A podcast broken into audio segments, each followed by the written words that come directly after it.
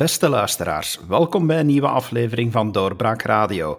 Ik ben uw gastheer David Geens en mijn gasten vandaag zijn professor Bart Malles en Pieter Bouwens, ook wel gekend als twee politieke zwaargewichten op onze politieke redactie. Welkom heren. Dag David.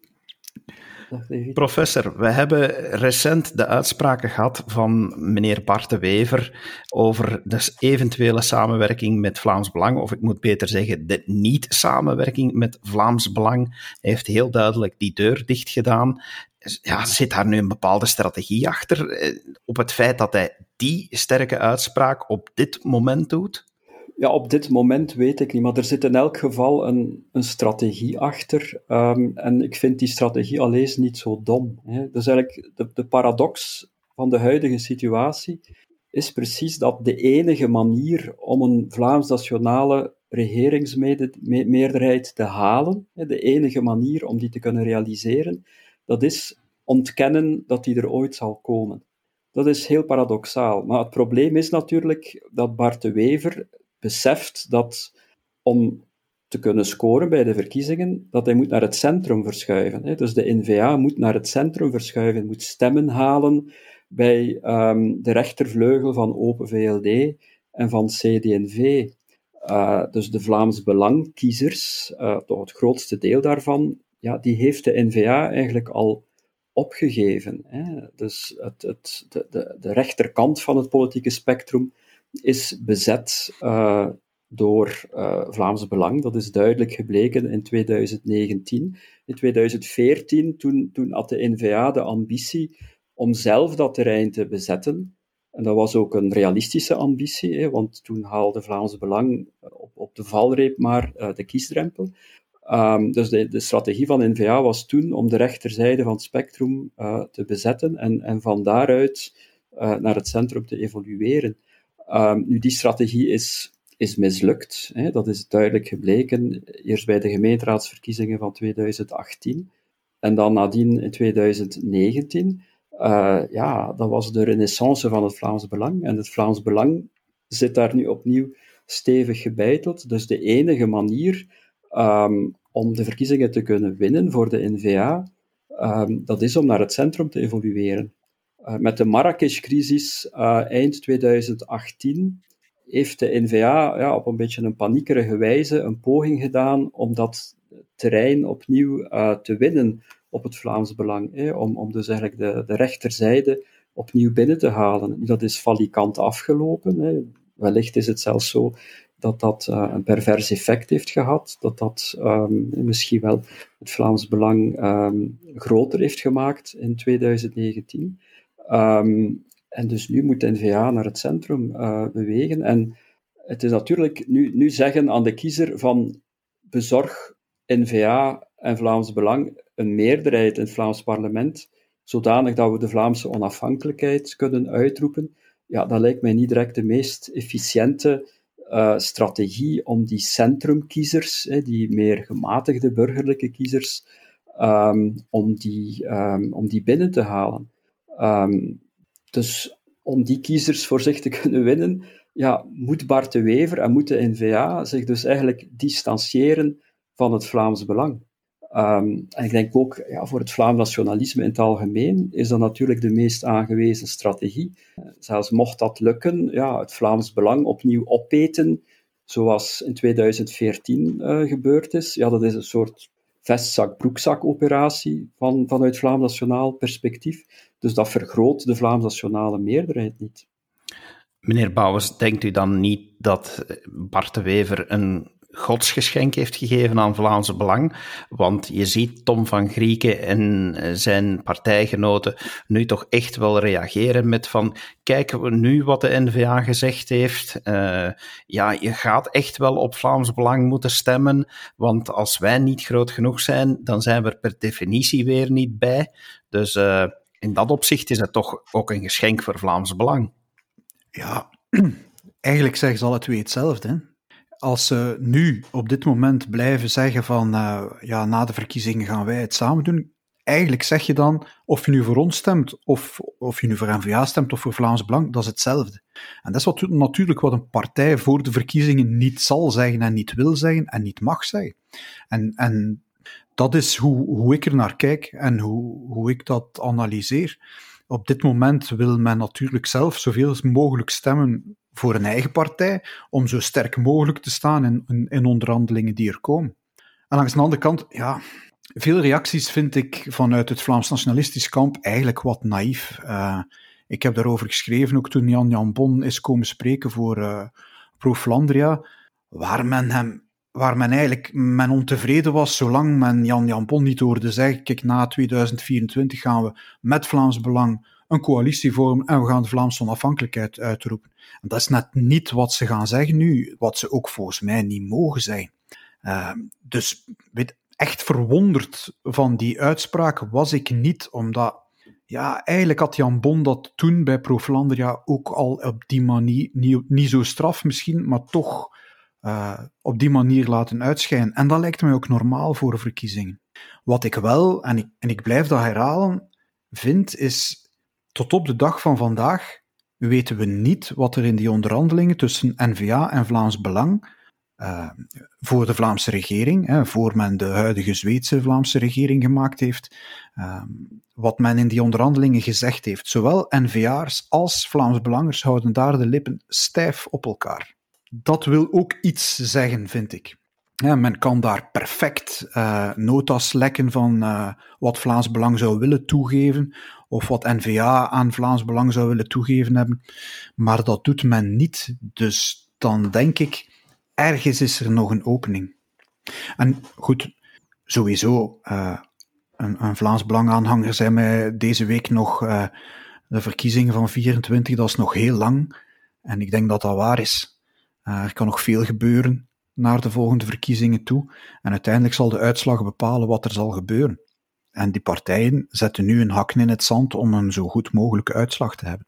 In die zin blijf ik met de vraag eigenlijk toch voor een stuk zitten over die timing. We zijn nog zo ver van de verkiezingen af. Waarom dan nu daar eigenlijk al over beginnen? Ja, maar dat heeft natuurlijk ook te maken, denk ik, met um, wat in, nog altijd wat in 2019 gebeurd is. Hè. Dus één, op de verkiezingsavond zegt Bart de Wever van het Vlaams nationalisme heeft gewonnen. Hè. Dus eigenlijk wat dat tot dan toe taboe was voor de N-VA. Dus denken in termen van V-partijen, dat was iets wat, wat wij als niet-partijpolitieke Vlaams nationalisten natuurlijk gewoon zijn, de V-partijen. Maar de N-VA had altijd gezegd, ja, Vlaams Belang, niets mee te maken. Plotseling begon Bart de Wever zelf te redeneren in termen van V-partijen. De Vlaams nationalisten hebben de verkiezingen gewonnen, zijn nog nooit zo sterk geweest. Twee, ja, dan gaat hij... Um, hoe lang was het? Een maand, anderhalve maand lang serieus onderhandelen met Vlaams Belang, wat dat dan leidt tot een, tot een nota. Um, dus dat was een de facto verbreking van het, het, het cordon sanitair. Um, en dus ja, de, de, conclusie die daaruit moest worden getrokken, en, en ja, die de analisten ook trokken, ja, dat was van als het zou kunnen, ja, dan gaat, dan gaat de N-VA toch wel zeker met Vlaams Belang regeren. Vergeet ook niet hè, dat nog um, in december vorig jaar, toen de Vlaamse regering al, al goed en wel gevormd was, gedurende een aantal maanden, heeft Jan Jan Bon nog gezegd van ik vond het heel jammer uh, dat we geen regering hebben kunnen vormen met Vlaams Belang. Omwille van de traditionele partijen, omdat er niemand van de traditionele partijen uh, met ons in zee wou en omdat we dus met Vlaams Belang niet aan een meerderheid kwamen. Dus op die manier is dat natuurlijk het, het beeld ontstaan ja, dat N-VA sowieso in zee zou gaan met Vlaams Belang, als dat mathematisch mogelijk zou zijn. En het is natuurlijk dat wat, wat Bart de Wever nu wil tegengaan. Hij wil die, die perceptie die N-VA zelf gecreëerd heeft, hij wil die perceptie ongedaan maken, precies omwille van die strategie die ik daar straks heb uitgelegd, om te kunnen ja, uh, de centrumkiezer um, te blijven aantrekken. En wat denk ik ook belangrijk is daarbij, uh, dat is dat Bart de Wever en de NVA op die manier ook een signaal geven naar Vlaams Belang. Ze zeggen duidelijk van, zeggen duidelijk aan Vlaams Belang, je moet er niet van uitgaan dat dat vanzelfsprekend is dat wij met jullie een regering zullen vormen, als dat mathematisch zou kunnen. Het Vlaams Belang moet wel zijn zaakjes op orde krijgen. Eh, Tom van Grieken moet ervoor zorgen dat hij de meer extremistische elementen binnen zijn achterban, dat dat hij die in het gareel krijgt. Uh, want dus die regeringsdeelname in 2024, als dat al mogelijk zou zijn, uh, zal het Vlaams Belang niet zomaar in de schoot uh, geworpen worden. Het Vlaams Belang zal er iets voor moeten doen. Het Vlaams Belang zal gematigd genoeg moeten worden. En ja, het Vlaams Belang zal dus die meer extremistische elementen, zoals ik zei, in het gareel moeten houden. Je ziet ook met de peilingen dat Vlaams Belang nog altijd de wind in de zeilen heeft. Ik denk dat dat ook een rol speelt, terwijl ja, N-VA toch verder nog wat pluimen laat. Ik denk dat je de, de, de peilingen die er zijn, die, die wij als publiek horen en die, die in de wedstraat rond waren, um, dat je nooit mag onderschatten dat dat ook een effect heeft. Daarnaast denk ik ook, als je die uh, van de Wever, uh, die, die, die nu talloos circuleren, um, eens goed leest, zie ik daarin um, dat hij echt gelooft dat hij met de PS een deal kan maken. Dat hij er dichtbij geweest is om die deal nu al te maken, maar dat de PS, ja, machtspartij als ze is, nu eieren voor haar geld gekozen heeft. En dat hij er natuurlijk op rekent dat in 2024, na de verkiezingen, uh, de kaarten anders geschud zijn. En om die kaarten anders geschud te hebben, zal hij eigenlijk als NVA incontournabele moeten zijn. En dan zal zijn partij anders moeten scoren dan ze vandaag doet in de peiling. En ik denk dat voor N-VA de, de verkiezingen, de federale verkiezingen, eigenlijk al begonnen zijn vandaag. Je ziet heel duidelijk, hè, wat professor Maddes ook zegt, dat ze zich, uh, herinner u vroeger, de, de, de Noord- en de Zuidflank uh, die N-VA had in, in verkiezingen, dat ze die, ja, die flank van die het leegbloeden van NVA na, na Vlaam, naar Vlaamse Belang, dat ze dat willen stoppen. En dat ze tegelijkertijd uh, echt een blik houden op die, uh, ja, die centrumrechtse kiezer die nu nog bij Open VLD zit. En, en die echt worden geviseerd op dit moment. Hè. Het viel mij ook enorm hard op. Ja, dat is toch een observatie van mij als politiek observator. Ook hoe snel sommige andere partijen waren om de NVA en om Bart de Wever bijna dood te knuffelen omwille van zijn uitspraak. Je zag op Twitter zo echte felicitaties komen, bijvoorbeeld van een Gwendoline Rutte. En dan dacht ik van, oei, zijn dat nu wel de felicitaties die je wil krijgen, meneer de Wever? Dat denk ik niet. Uh, er is natuurlijk een deel van het publiek dat hij kwijtgeraakt is aan het Vlaams Belang. En die hij met geen enkele uitspraak zoals deze zal terugkrijgen. En ik denk dat hij dat beseft. En voor hen maakt het niet uit.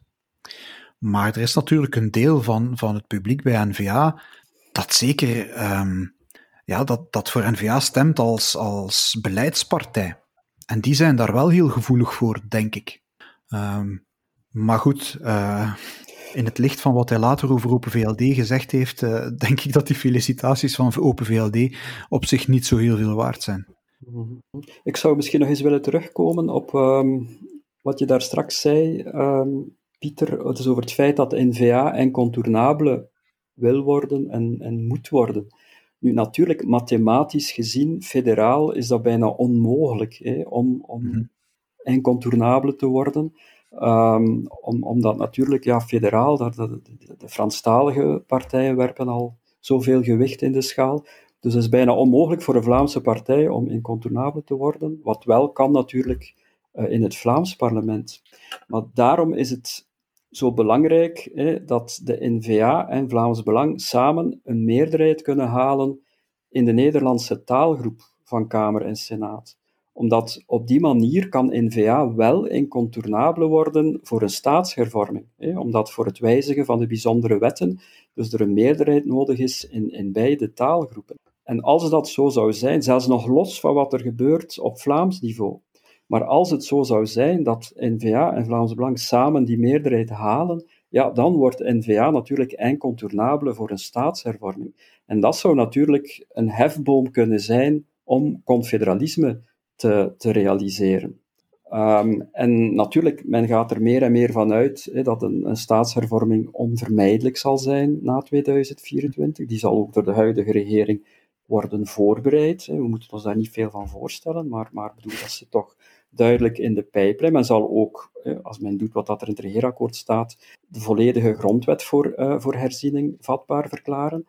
Um, dus er komt op dat vlak toch wel opnieuw een soort institutioneel momentum. Eh, en dan is het natuurlijk belangrijk dat de NVA incontournabele wordt voor de staatshervorming. Omgekeerd, ja, als, dat, als dat niet zo zou zijn, uh, en als de NVA eigenlijk geen hefbomen heeft om te wegen op die staatshervorming, ja, dan, dan vraag ik mij eigenlijk af of dat we wel een staatshervorming moeten wensen, hè, omdat dan het risico zeer groot is dat we gaan naar herfederalisering, uh, dat we gaan naar een, een, een normenhiërarchie, naar een federale kieskring, enzovoort. Dus dat vind ik eigenlijk de kern van de zaak. Ik denk dat NVA er ook voor beducht is om in heel die constellatie de junior partner te zijn, om het dan maar zo te zeggen. Zeg maar de mindere naast een groot Vlaams belang. Ik denk dat dat psychologische aspect ook meespeelt. En twee, um, eigenlijk hangt daar ook een beetje de vraag aan: um, welke rol zal het Vlaams parlement en de Vlaamse regering misschien zelfs spelen in die staatshervorming die er zit aan te komen? Uiteraard moet dat juridisch um, ook allemaal in, in het federaal parlement gebeuren. Daar moeten die wetten gestemd worden. Maar het kan natuurlijk dat in het politieke debat uh, het Vlaams parlement een duidelijke stem, uh, een duidelijke positie inneemt, zoals ze dat in het verleden gedaan hebben. Uh, wat die resoluties die ze in het verleden gestemd hebben, wat er uiteindelijk van gekomen is, tot daaraan toe. Maar dat wordt in, in, in Franstalige middens wel af en toe nog naar voren gebracht. Hè. Een, een, een eensgezind, tussen aanhalingstekens, Vlaams parlement, dat in moties krijtlijnen uittekende voor het toekomstige België dat is nu niet direct voor hen een droomscenario. Dus ik hoop in ieder geval dat als die V-partijen een meerderheid hebben, dat zij ook in, vanuit dat Vlaams parlement de druk kunnen opvoeren op die staatshervorming die er inderdaad zit aan te komen. Hè. Ik denk dat we in 2024 een heel duidelijke keuze gaan hebben. Uh, waarheen gaan we met het land? Hè? Gaan we de Vivaldi-weg op of gaan we een andere weg op? Evenzeer opvallend in ja, die reeks eindejaarsinterviews van Bart de Wever is het feit dat hij toch wel zijn pijlen heel sterk gericht heeft op Open VLD. Dat, dat heeft hij precies toch nog altijd niet verwerkt wat er gebeurd is met, met Open VLD. Dat beschouwt hij toch echt wel als verraad, want uh, daar blijft hij maar op terugkomen. Ja, en, en heel detailistisch. Hè. Om zo laat kwamen ze bij mij in mijn bureau en hebben ze gezegd, Alexander de Croo wil geen premier worden. Ik, ik denk dat, uh, dat die verontwaardiging deels ook strategisch is. Dat men nu in, uh, bij NVA gezegd heeft dat hun eerste visvijver uh, Open VLD is. Dat ze hun oppositie federaal gaan richten op Open VLD. Wat natuurlijk wel uh, tot de kleine ambetantheid leidt dat ze met Open VLD in de Vlaamse regering zit. In het interview dat Wouter Verschelde van hem afneemt, vraagt hij hem dat ook. Hè? Ja, dat was, een, was inderdaad een klein probleem. Of hoe, ik weet niet precies hoe het, hij omschreef het met één, één, één zinnetje, heel, heel kernachtig. En dan dacht ik, ja, eigenlijk zorg je daar toch politiek voor, voor een hele hoop problemen. Maar je ziet, ja, da, daar is waar ze kiezers willen werven. Hè. Ze willen federaal echt het, het verschil met, met Open VLD maken. Mm Ja. Ja, dat is inderdaad nu het, het, narratief van de NVA. Dus in augustus ja, stonden we eigenlijk op een zucht van een mhm. groot historisch akkoord met de PS. En de PS had bijna de omslag gemaakt naar, naar confederalisme.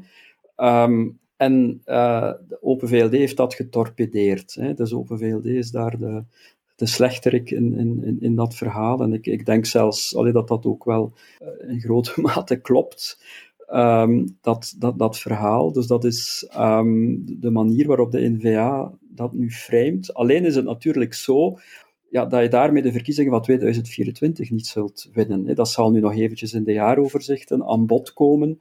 Uh, maar daarna zijn de mensen dat vergeten, als ze het nu nog niet vergeten zijn. De mensen hebben ook andere zorgen aan hun hoofd momenteel hè, dan te reconstrueren hoe dat nu in augustus precies weer gelopen is uh, met die regeringsvorming. Dus in 2024 uh, is men dat al lang vergeten. En ja, dan is natuurlijk de vraag of zo dat vijandbeeld rond Open VLD, of dat zal volstaan voor de NVA om, om de verkiezingen op dat moment te winnen. Hè. Om verkiezingen te winnen moet je een vijandbeeld creëren. En de NVA heeft dat tot nu toe altijd heel goed gedaan. Hè, dus in 2010 en 2014 was de PS de grote vijand.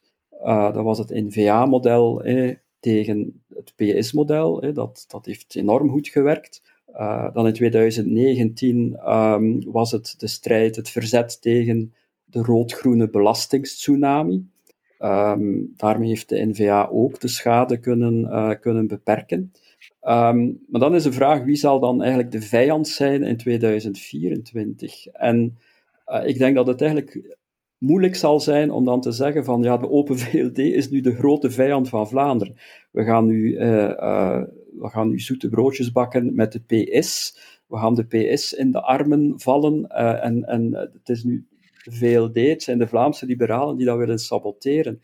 Ik denk eigenlijk dat dat niet zal werken, omdat dat ook veel minder appelleert aan een soort buikgevoel van de Vlamingen. Natuurlijk, Vlaamse nationalisten zijn niet de grote vrienden van, van VLD en het Best voor Vlaanderen enzovoort, PVV, we kennen dat allemaal wel.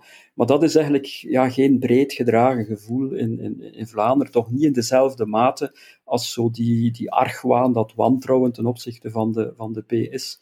Dus ik vraag mij af of, of, of zulke electorale strategie, hè, dus over VLD, is nu de grote vijand die we moeten bestrijden, of dat eigenlijk zal werken. Maar hij doet dat ook inhoudelijk. Hè? Als je die interviews leest, dan zie je dat hij elke keer weer op diezelfde punten terugkomt.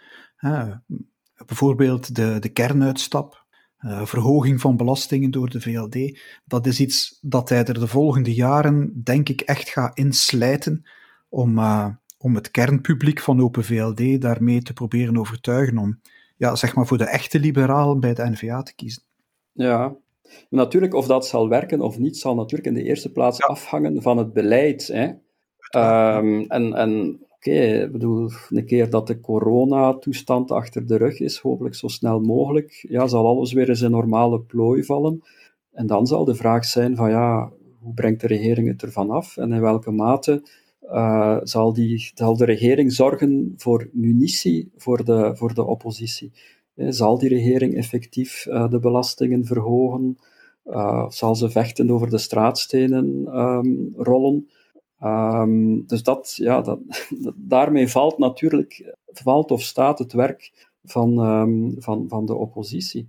Wat ik een beetje vrees, dat is dat, om te beginnen, ja, men zal allicht zo die uitzonderingssituatie rond corona, men zal dat proberen zo lang mogelijk aan te houden.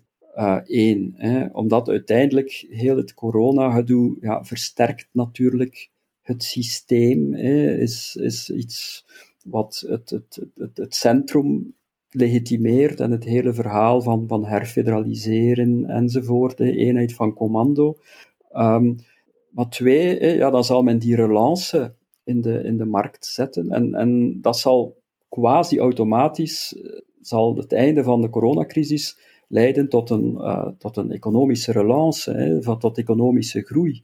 Um, dat zal een soort, een soort goed gevoel creëren hè, van de coronacrisis is achter de rug. Um, en de regering kan op die golf beginnen te surfen om dan de verkiezingen van 2024 um, ehm, te winnen.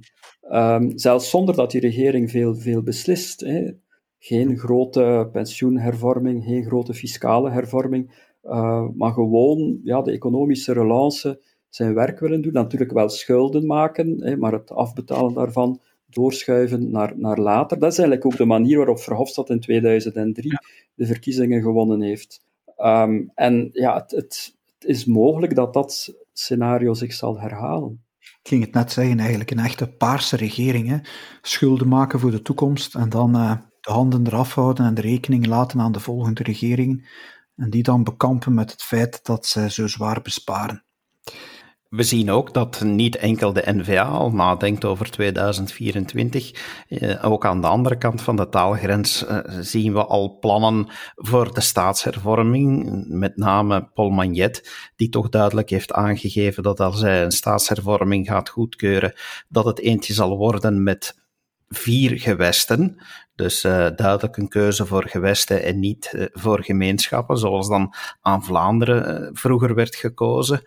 Denken jullie dat, dat dat een kans op slagen heeft? Dat dat de weg zal zijn waarin de staatshervorming moet gaan? Moet Vlaanderen dan ook de resoluties van 1999 achter zich laten en de idee van gemeenschappen laten vallen?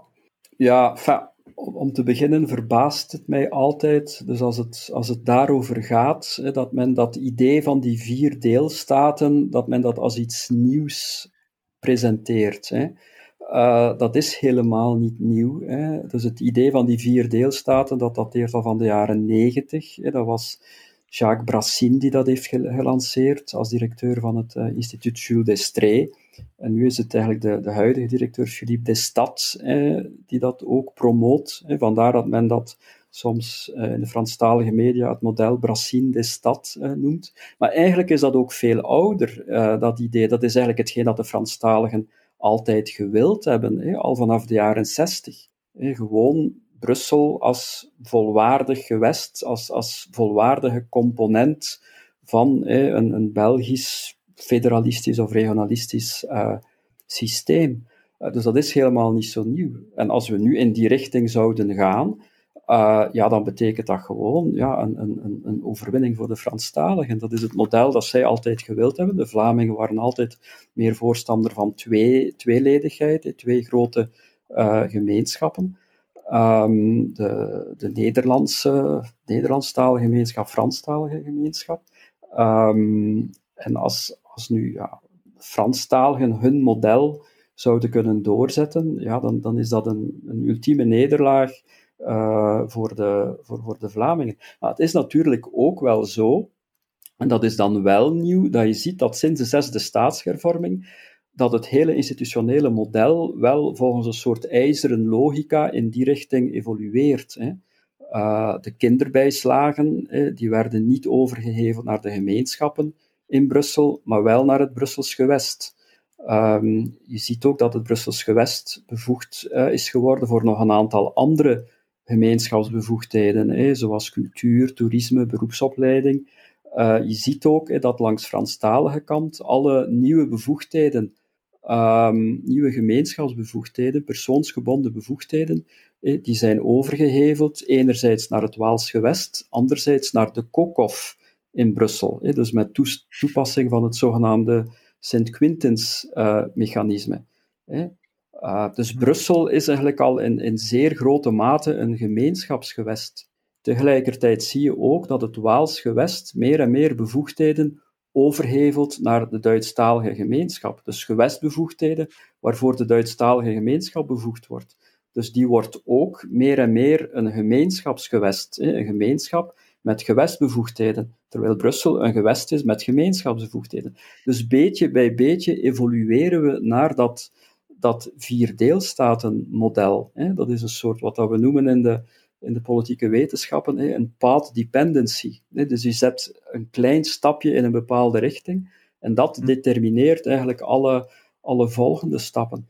Uh, en ik, dat is natuurlijk vanuit Vlaams gezind oogpunt een nefaste evolutie. Hè omdat um, op die manier knip je de band tussen Vlaanderen en Brussel, tussen Vlaanderen en de Brusselse Vlamingen helemaal door. Um, maar je komt ook in een situatie terecht, hè, vier deelstaten, waar dat Vlaanderen, eigenlijk met, met, met meer dan 6 miljoen inwoners, op dezelfde hoogte komt te staan op het federale of confederale niveau als het Duitsstalige gemeenschap, hè, twee lapjes grond met, met 77.000 uh, inwoners.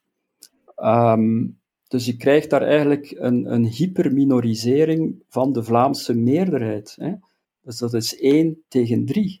Vlaanderen ten opzichte van Brussel, Wallonië en de Duitsstalige gemeenschap. Terwijl de Vlamingen altijd tegenstander waren van dat model vanuit de vrees om geminoriseerd te worden in een situatie van 1 tegen 3, zal het nu in dit vierdeelstatenmodel 1 tegen 4 zijn. Uh, dus dat is nefast voor Vlaanderen, uh, maar het is ook nefast voor Brussel. En dat heeft Sven Had zeer goed begrepen. Dat zie je vandaag in de morgen als hij schrijft van ja, maar let op, want ik wil niet dat al die Vlaamse investeringen in Brussel dat die teniet gaan. Dus als, als we gaan naar zo'n model, dan moet alles wat Vlaanderen investeert in Brussel, um, dan moet dat overgeheveld worden naar het, Vla naar het Brussels gewest. En Vlaanderen, ja, dat is een overinvestering van Vlaanderen in Brussel op vlak van gemeenschapsbevoegdheden. Dat is een gevolg van de Brusselnorm. Dus Vlaanderen gaat er eigenlijk vanuit dat 30% van de Brusselaars Vlamingen zijn. En dat dus eigenlijk de investeringen in onderwijs, in cultuur, in welzijnsvoorzieningen, dat die eigenlijk moeten gericht zijn op 30% van de bevolking in Brussel, terwijl de, facto het aantal Vlamingen natuurlijk veel kleiner. Dus dat is een enorme overinvestering van Vlaanderen in Brussel. Eh, maar je ziet van hier, ja, als, als Vlaanderen die toegeving zou moeten doen, en als die band tussen Vlaanderen en Brussel zou moeten worden doorgeknipt in zo'n vier deelstatenmodel, ja, dan zal Vlaanderen niet nog een keer zeggen, en nu gaan we Brussel nog een keer extra financiering bezorgen. Ja, dat zal natuurlijk niet gebeuren.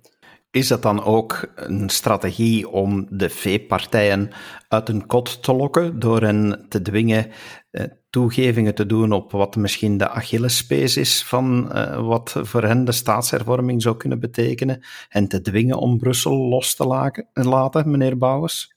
De Wever was daar in zijn interviews ook al heel cynisch over. Hè? Hij zei, ja, Magnet doet een voorstel en de Open VLD zegt onmiddellijk, ja, dat is goed, dat, dat, gaat, dat, dat vinden wij ook, wij vinden dat een goed, een goed plan. Ja, en dan zei hij, ga met zo'n mensen naar de onderhandelingstafel, ze geven al toe, uh, nog voordat je eigenlijk neerzit.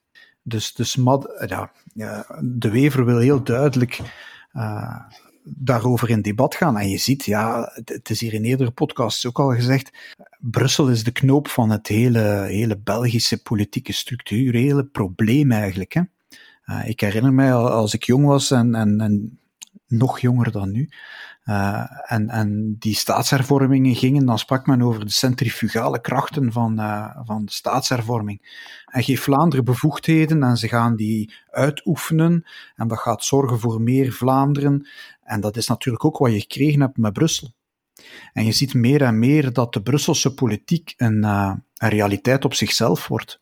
Uh, dat die, die Brusselse partijafdelingen uh, echt Brussels gaan nadenken. De, de, Brusselse Vlamingen of de Vlaamse Brusselaars zijn eigenlijk ja, Brusselaars, Nederlandstalige Brusselaars geworden, die, die geen Vlaming meer zijn. En, en je ziet ook bij Franstaligen wel wat dat gevoel. Maar er is natuurlijk één groot probleem en dat is de financiering. Een stadsgewest als Brussel, met zeker met de huidige grenzen, is denk ik op dit moment financieel helemaal niet haalbaar. Als je de financieringsstromen richting Brussel eens in kaart brengt. Uh, Vuij en Wouters hebben dat in een boek over Brussel gedaan. Ja, dan heb je het niet alleen over de investeringen, maar dan heb je het over Belliri-schelden, uh, dan heb je het over uh, een tegemoetkoming voor pendelaars, uh, dan heb je het over de hoofdstedelijke functie en de Europese functie, en dan spreek je al gauw over ettelijke miljarden, en dan zie je, als je dan kijkt naar de begroting vandaag van dat Brussels gewest, ja, die, die loopt uit de hand waar we bij staan. Ja, dan zie je dat daar toch een, een, een ernstig probleem is, maar je kan er ook niet omheen dat als je vandaag wil spreken over een, uh, een, een, opnieuw een staatshervorming, kan je niet rond Brussel. En uh, ik, heb, Karel Drabbe en, en, hier bij de Vos ook horen zeggen, uh, ja, de, Vlaam, Vlaams nationalisme is daar niet klaar mee. Ik weet dat niet. Ik denk dat voor veel Vlaams nationalisten eigenlijk bijzonder klaar is. Als ik daar naar luister, hoor ik veel Vlaams nationalisten zeggen, laat Brussel los.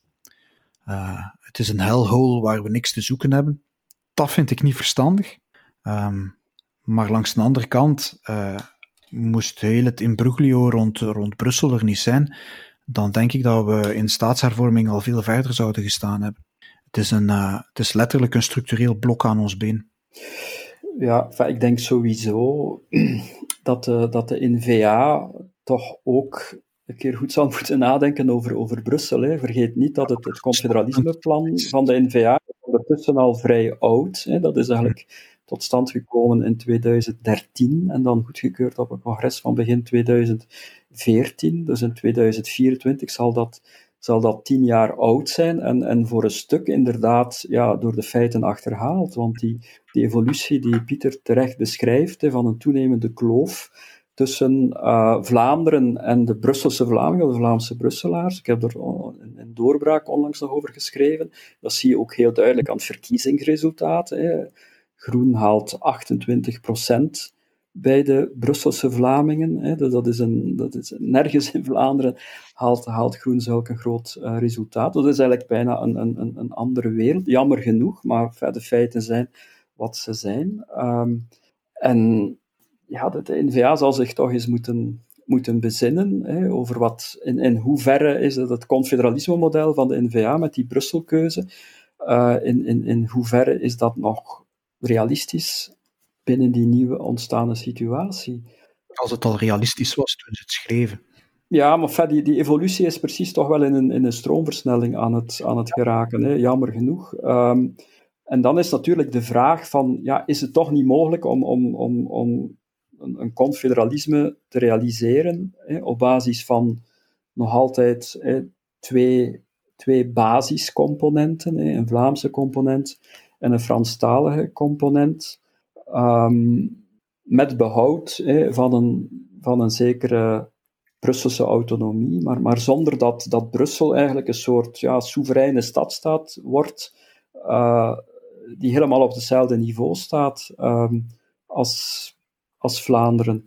Um, en is het niet mogelijk om te gaan alleen naar, naar ja, trouwens, dat is iets wat Philippe de Stad ook zelf al heeft gesuggereerd, um, dat eigenlijk er een compromis mogelijk is tussen het vierdeelstatenmodel van het instituut Jules Destree en het, en het confederalisme-model van de, van de NVA, uh, waarbij Vlaanderen ja, bevoegd zou kunnen blijven voor cultuur en, en um, onderwijs en, en welzijn in Brussel.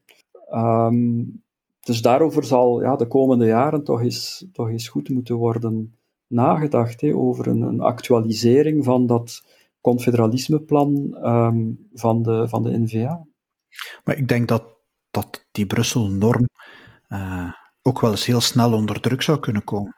Zeker met een Vlaamse regering die na corona er ook uh, budgetair een stuk minder goed uh, voor staat dan denk ik dat die politieke druk wel eens zou kunnen, uh, zou kunnen opsteken. Als men moet besparen. Maar goed, tegelijkertijd komt er vanuit Brussel ook druk. Hè. Als men spreekt om, om een Brussels scholennet, uh, ja, Dalle heeft, uh, heeft heel goed opgemerkt dat de Vlaamse regering heel veel investeert in Brussels onderwijs. Als Brussel dat allemaal ook nog zelf wil betalen, dan komen we helemaal in de problemen. Maar goed. Brussel zal nog heel veel voor discussie zorgen, David. Laat ons deze discussie inderdaad nog in de gaten houden in de toekomst. Bij wijze van afsluiting, eh, heren, kijken jullie morgen naar de kerst met 11 miljoen?